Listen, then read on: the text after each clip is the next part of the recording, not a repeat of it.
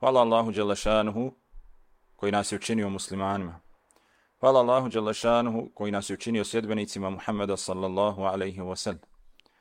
Hvala Allahu Đelešanuhu koji nam je dao priliku da danas obavimo svoju sedmičnu dužnost, a što mnogima nije dato.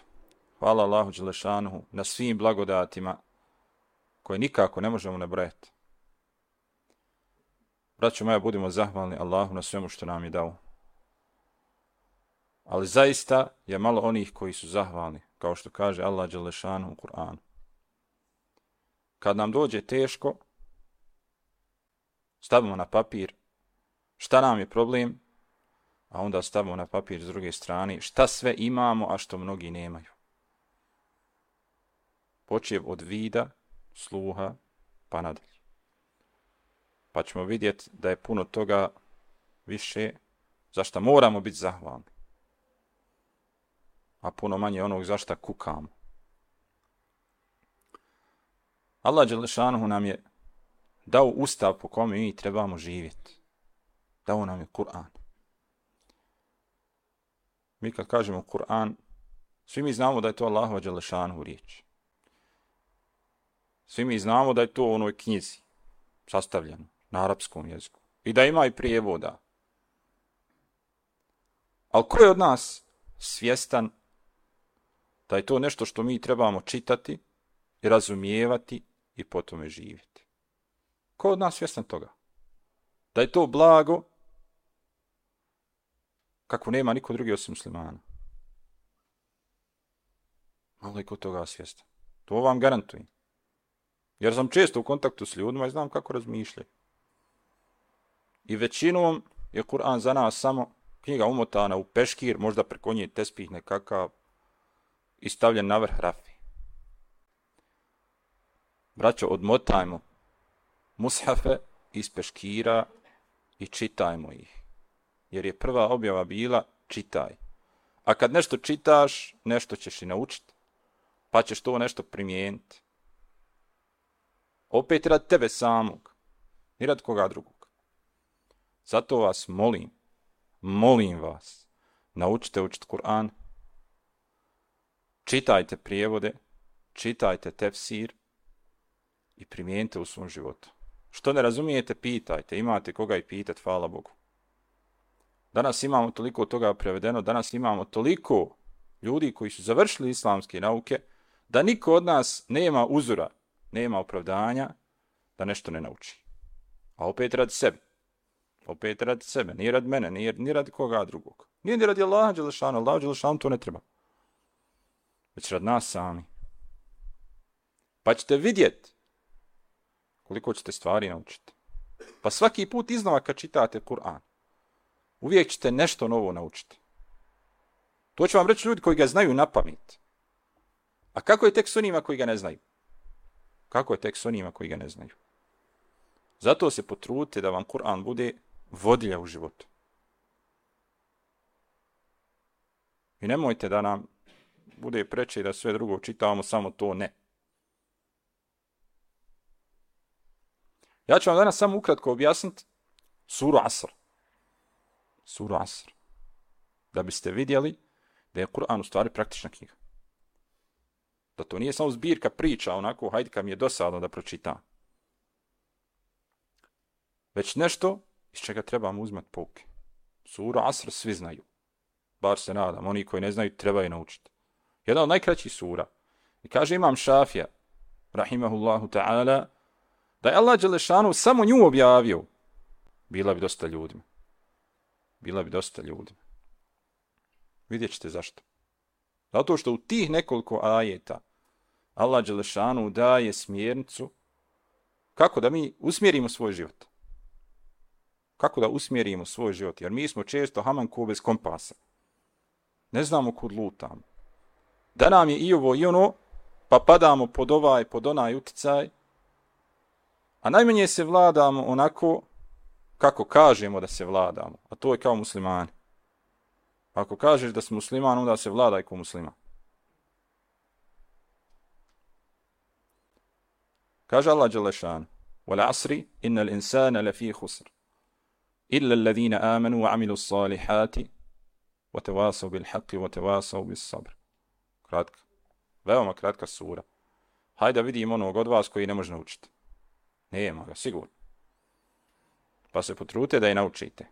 I pročitajte njen prijevod. I čitajte ga uvijek. Allah Đelešanu se na početku zaklinje vremenom. Asr. Zašto? Zato što je vrijeme veoma bitna kategorija u životu ljudi. Ima više naziva za vrijeme u arapskom jeziku. Jedan od njih je ovaj asr. Sjećam se kad smo bili na institutu za jezik u Rijadu. Kaže nama profesor šta se kaže pije samo nakon asra. I sad svi mi znamo da je asr i kindija. Na arapskom. I lupamo mi. Pije se ovo, pije se ono. Iako znaš da to nije logično. Kaže, pije se cijeđeni sok. Kako? Jer je asr, u osnovi znači, znači cijeđenje. Cijeđenje. Zašto je Allah Đelešanu vrijeme nazvao tako? Vrijeme kad ti prođe, ne možeš ga vratiti. Znači, isto kao kad iscijediš sok iz one vočke, možeš ga vratiti u nju? Ne možeš. Tako je vrijeme. Kad ti prođe, gotovo je. Što si radio, uradio si. A ne znaš koliko ga još imaš na Dunjaluku. A šta ćeš kad dođeš pred Allaha Đelešanu? Pa te upita što ga nisi iskoristio kako treba. Nego ga iskoristio sjedeći tri sata na Facebooku svađajući se s ljudima. Pod isprikom da ti ispravljaš kriju drinu. Ili širiš islam i šta ti ja znam. Ne širiš islam tako. To budite sigurni. Niti se pokazuje ljepota islama tako. Pogotovo ne svađajući se s ljudima. A mi se previše međusobno svađamo. Pazite se toga. Jer sve ostaje zabilježeno. Sve bilježe meleki. Pa dobro, pazite šta ćete raditi. Na kraju krajeva svi smo mi predstavnici islama. I ako kažemo da neko ima lošu sliku o islamu, to je samo zato što smo mi takvi. Loši predstavnici islama. Nije ničija tuđa krivnja. Već najprije naša. E zato ćemo mi odgovarati. Pa se Allah Đelešanu zaklinje vremena. Zašto se zaklinje? Zato što je tu bitno. Allah Đelešanu se nikad ne zaklinje nečim nebitnim. To zapamtite dobro. A vrijeme je jedna od najbitnijih kategorija u životu čovjeka. Innal insane lafi husr. Zaista je čovjek na gubitku. Zaista je čovjek na gubitku. Znači, u osnovi si na gubitku. U osnovi si na gubitku. Znaš, sigurno ideš ka propasti.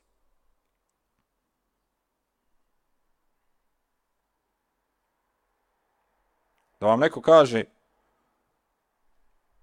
ideš ti sad putem nekakvi, ima tu rupa, nemoj tu, haj drugim putem.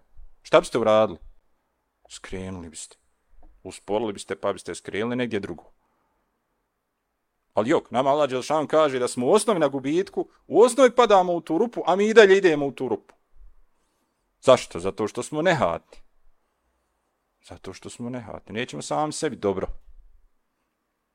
Odnosno, nećemo dobro koje je vječno. Svi mi hoćemo nekakva prolazna dobra. Dobro auto, dobar mobitel, dobru kuću i svašta drugo. Ali nećemo ono dobro koje zaista vrijedi. Ja kažem, ja nemojte vi to sve imati. Imajte. Imajte. Ali ne na uštrb toga da izgubite vječnost. Ne na uštrb toga da izgubite vječnost. Ljudi koji su živjeli 50-60 godina, pa i manje, pa kad pogledaju kako im je život prošao, prošlo ovako, ništa, ko sekund. Ko sekund. Šta mislite kako će nama to sve izgledat kad dođemo pred Allaha Đelešanu? Koliko će nam biti žao što nismo bolje iskoristili svoj život? A svakom će biti žao. Svakom, jer svako je, kao što kaže Allah Đešan, svako od nas je u osnovi na gubitku. I ja i svaki od vas. Ali, ali, Allah Đelešan, kad vam nešto kaže da ne valja, onda vam da alternativu. Nije ko mi, dođete čovjek nešto te pita, pa mu kažeš, e, haram ti je to. Ne smiješ tako. I gotovo, prepustiš čovjeka samog sebi. Prepustiš čovjeka samog sebi. Zato se dosta ljudi koji bi se i okrenuli islam odbije. Ili koji su počeli te. Odbije se. Jer mu kategorički kažeš tako ti je to, a ne daš mu alternativu. Da bi on mogu nastav živ ko muslima. Da mogu nastaviti živjeti ko muslima. Pogotovo ovdje. Kaže vam, dođe vam čovjek pa kaže, e, ja radim to i to, nekakav posao koji nije baš kako treba. I ti odmah kažeš, e, to ti je haram. Ne smiješ to tako raditi s muslima. Dobro. Možda i stoji to da ti je to haram. Ali hoćeš čovjeka pusti sad da ide na ulicu. Pa da kaže kako ti je to vjera ako ja ne mogu normalno živjeti. Ne. Nego mu kažeš, radi dok moraš. Ali dužan si tražiti izlaz. Čim nađeš izlaz, bolji, koji je halal, ili manji problem od tog, obavezno ostavljaš ovo. I tako. Zato dobro pazite kako ljudima odgovarate na pitanja. Pogotovo ako, su pit, ako, ako se tiče nekakvih posljedica na njihove živote. Jer igrat se s tuđim životima nije mala stvar. Najlakše je puknut čovjek u fetvu. Ja pročito, ja čuo, neko kaže tako i tako i gotovo, kapak. I ne interesujete. Zato briga, te izrahat.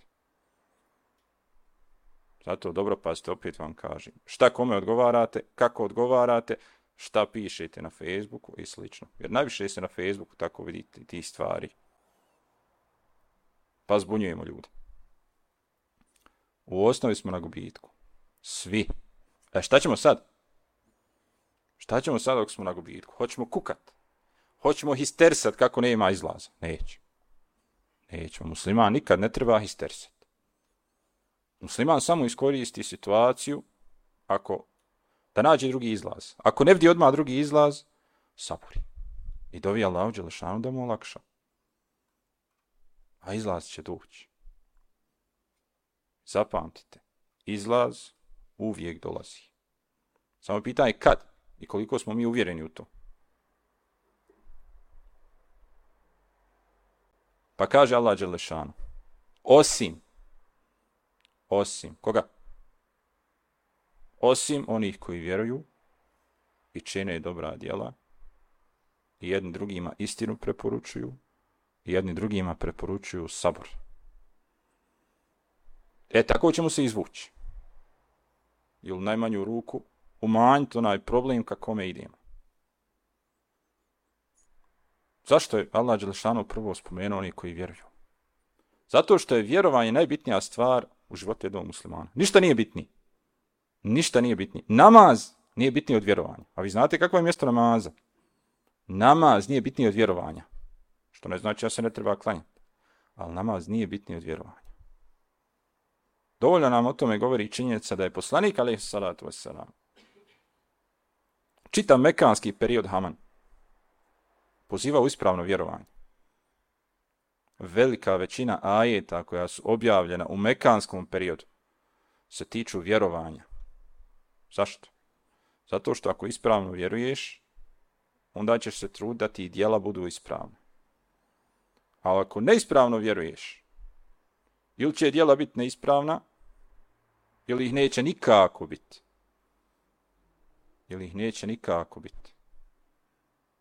Sad će neko reći, pa dobro i munafici, dvoličnjaci radi, radi, ali određeno vrijeme. Ali vjernik radi čitav život vjernik se trudi čitav život da bude onako kako je Allah Đelešanu zadovoljan njime. Zato prvo naučite svoje vjerovanje. Imate šest imanskih šarta, naučite šta znači, primijenite u životu i to je to. Nije ništa komplikovano. Apsolutno. Samo treba malo pozahmetati i naučiti. I oni koji rade dobra djela. Allah Đelešanu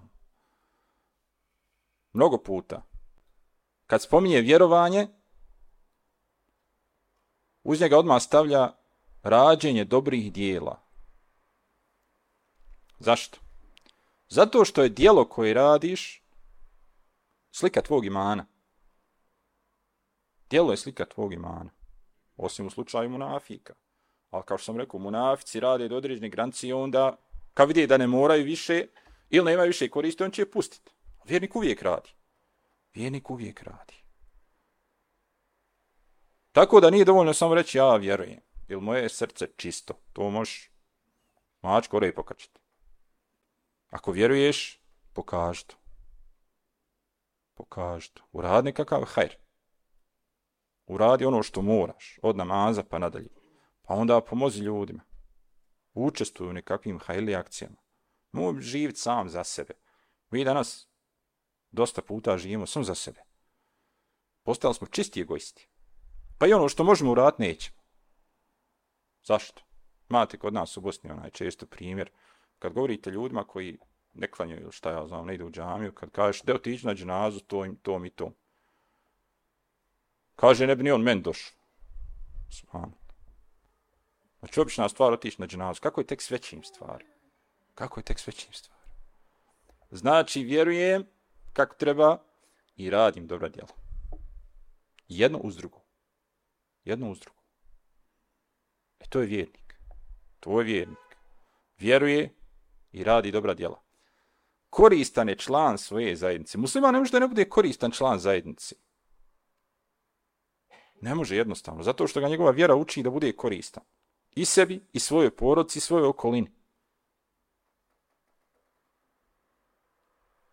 Pa nemojte da, da sve aktivnosti onda bilo u vašem džematu, bilo u vašoj okolini spadnu na pet ljudi. Od nas 50. Nek se svako potrudi shodno svoje mogućnosti. Kad bi svako radio ono što me Allah Đelešanu dao, mogućnosti koje ima, teret bi spao puno s drugih. I više bi bilo bereketa. Ako dobro zamislite, ako kažete za sebe da ste vjernici, onda to pokažete dijelima. Ne radi mene, ne radi se uslikalo pa stavilo na Facebook kako si ti fin. Nego radi Allaha Đelešanu. Da bi ti imao koristi na dunjalku i na ahiretu. E u tome pojent.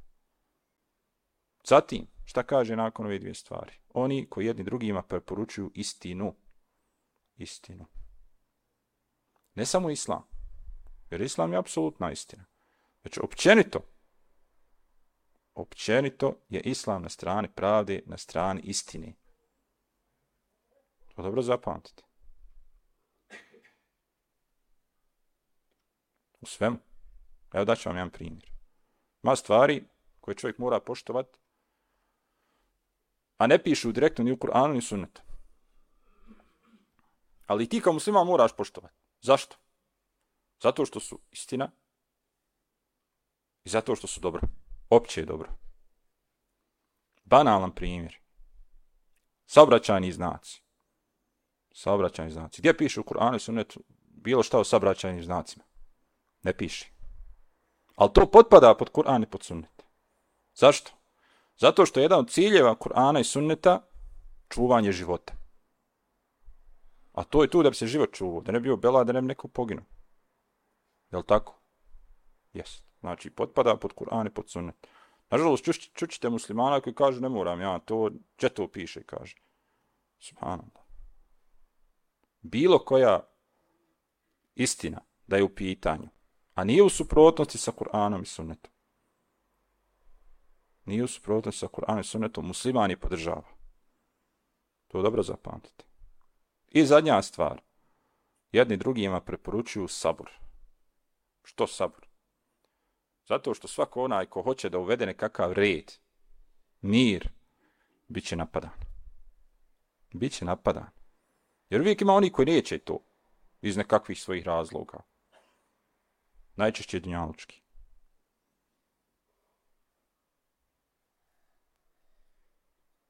Znači, dužnost nam je da saborimo na istini koju pozivamo. Dužnost nam je da saborimo na istini koju pozivamo. Pogotovo kada je pitano islam. Vi znate kakva je situacija danas. Svako živ na nas navalio. E šta trebamo mi sad? Hm? Trebamo se svađati. Ne trebamo se svađati. Trebamo teoretski i praktično pokazati šta je islam. I sabort na ezijetima. I gleda da ih otklonimo koliko možemo. A ne svađat se, udarat se s ljudima, pa da napravimo još veći belaj. Pa da kažu, et, kako ste vi muslimani? To pogotovo omladna radi. Razumijem ja i osjećaj imana i sve, svi smo i to imali. Napušete pa, e, nek sam ja njemu rekao, nek sam ja to i to. Pogotovo u porodci. Ne ide to tako. Islam se ne brani tako. Islam se ne brani tako što će se svađati s ljudima. Pogotovo s onim svojim najbližim. Ako možete pokazati lijepim ličnim primjerom, to uradite. Ako ne možete, onda radije šute. Da nas Allah Đelešanu uputi da čitamo Kur'an, da ga razumijemo, da živimo po njemu. Uvijek. Evo sad je vrijeme odmora. Moći sad prestati biti muslimani. Moći sad prestati klanjati, prestati ići na džum. Kad je u pitanju islam, nema godišnjeg. Već si musliman uvijek. Gdje god da si, u kakvim god da si u uslovima. Najbolji primjer za to je namaz. Osnova u namazu je da se klanja stojeći. A ako ne može, hm, onda sjedeći. Ako ne može tako, šta onda? Onda ležeći. Ali ga ne smiješ pustiti. Kod nas ljudi misle, e, ako ja ne mogu klanjati, stojeći neću nikako. Ne. Ti si dužan klanjati. Stojeći ili sjedeći ili ležeći. Ili makar i šaretom, ako se ne do Bog, potpuno nepokretan. To dobro zapamtite. Musliman je musliman 24 sata. I u džami, i izvan džami. I kad je godišnji, i kad nije godišnji. Tu nema odmora. Iako to u stvari nije nešto od čega se čovjek treba odmarati.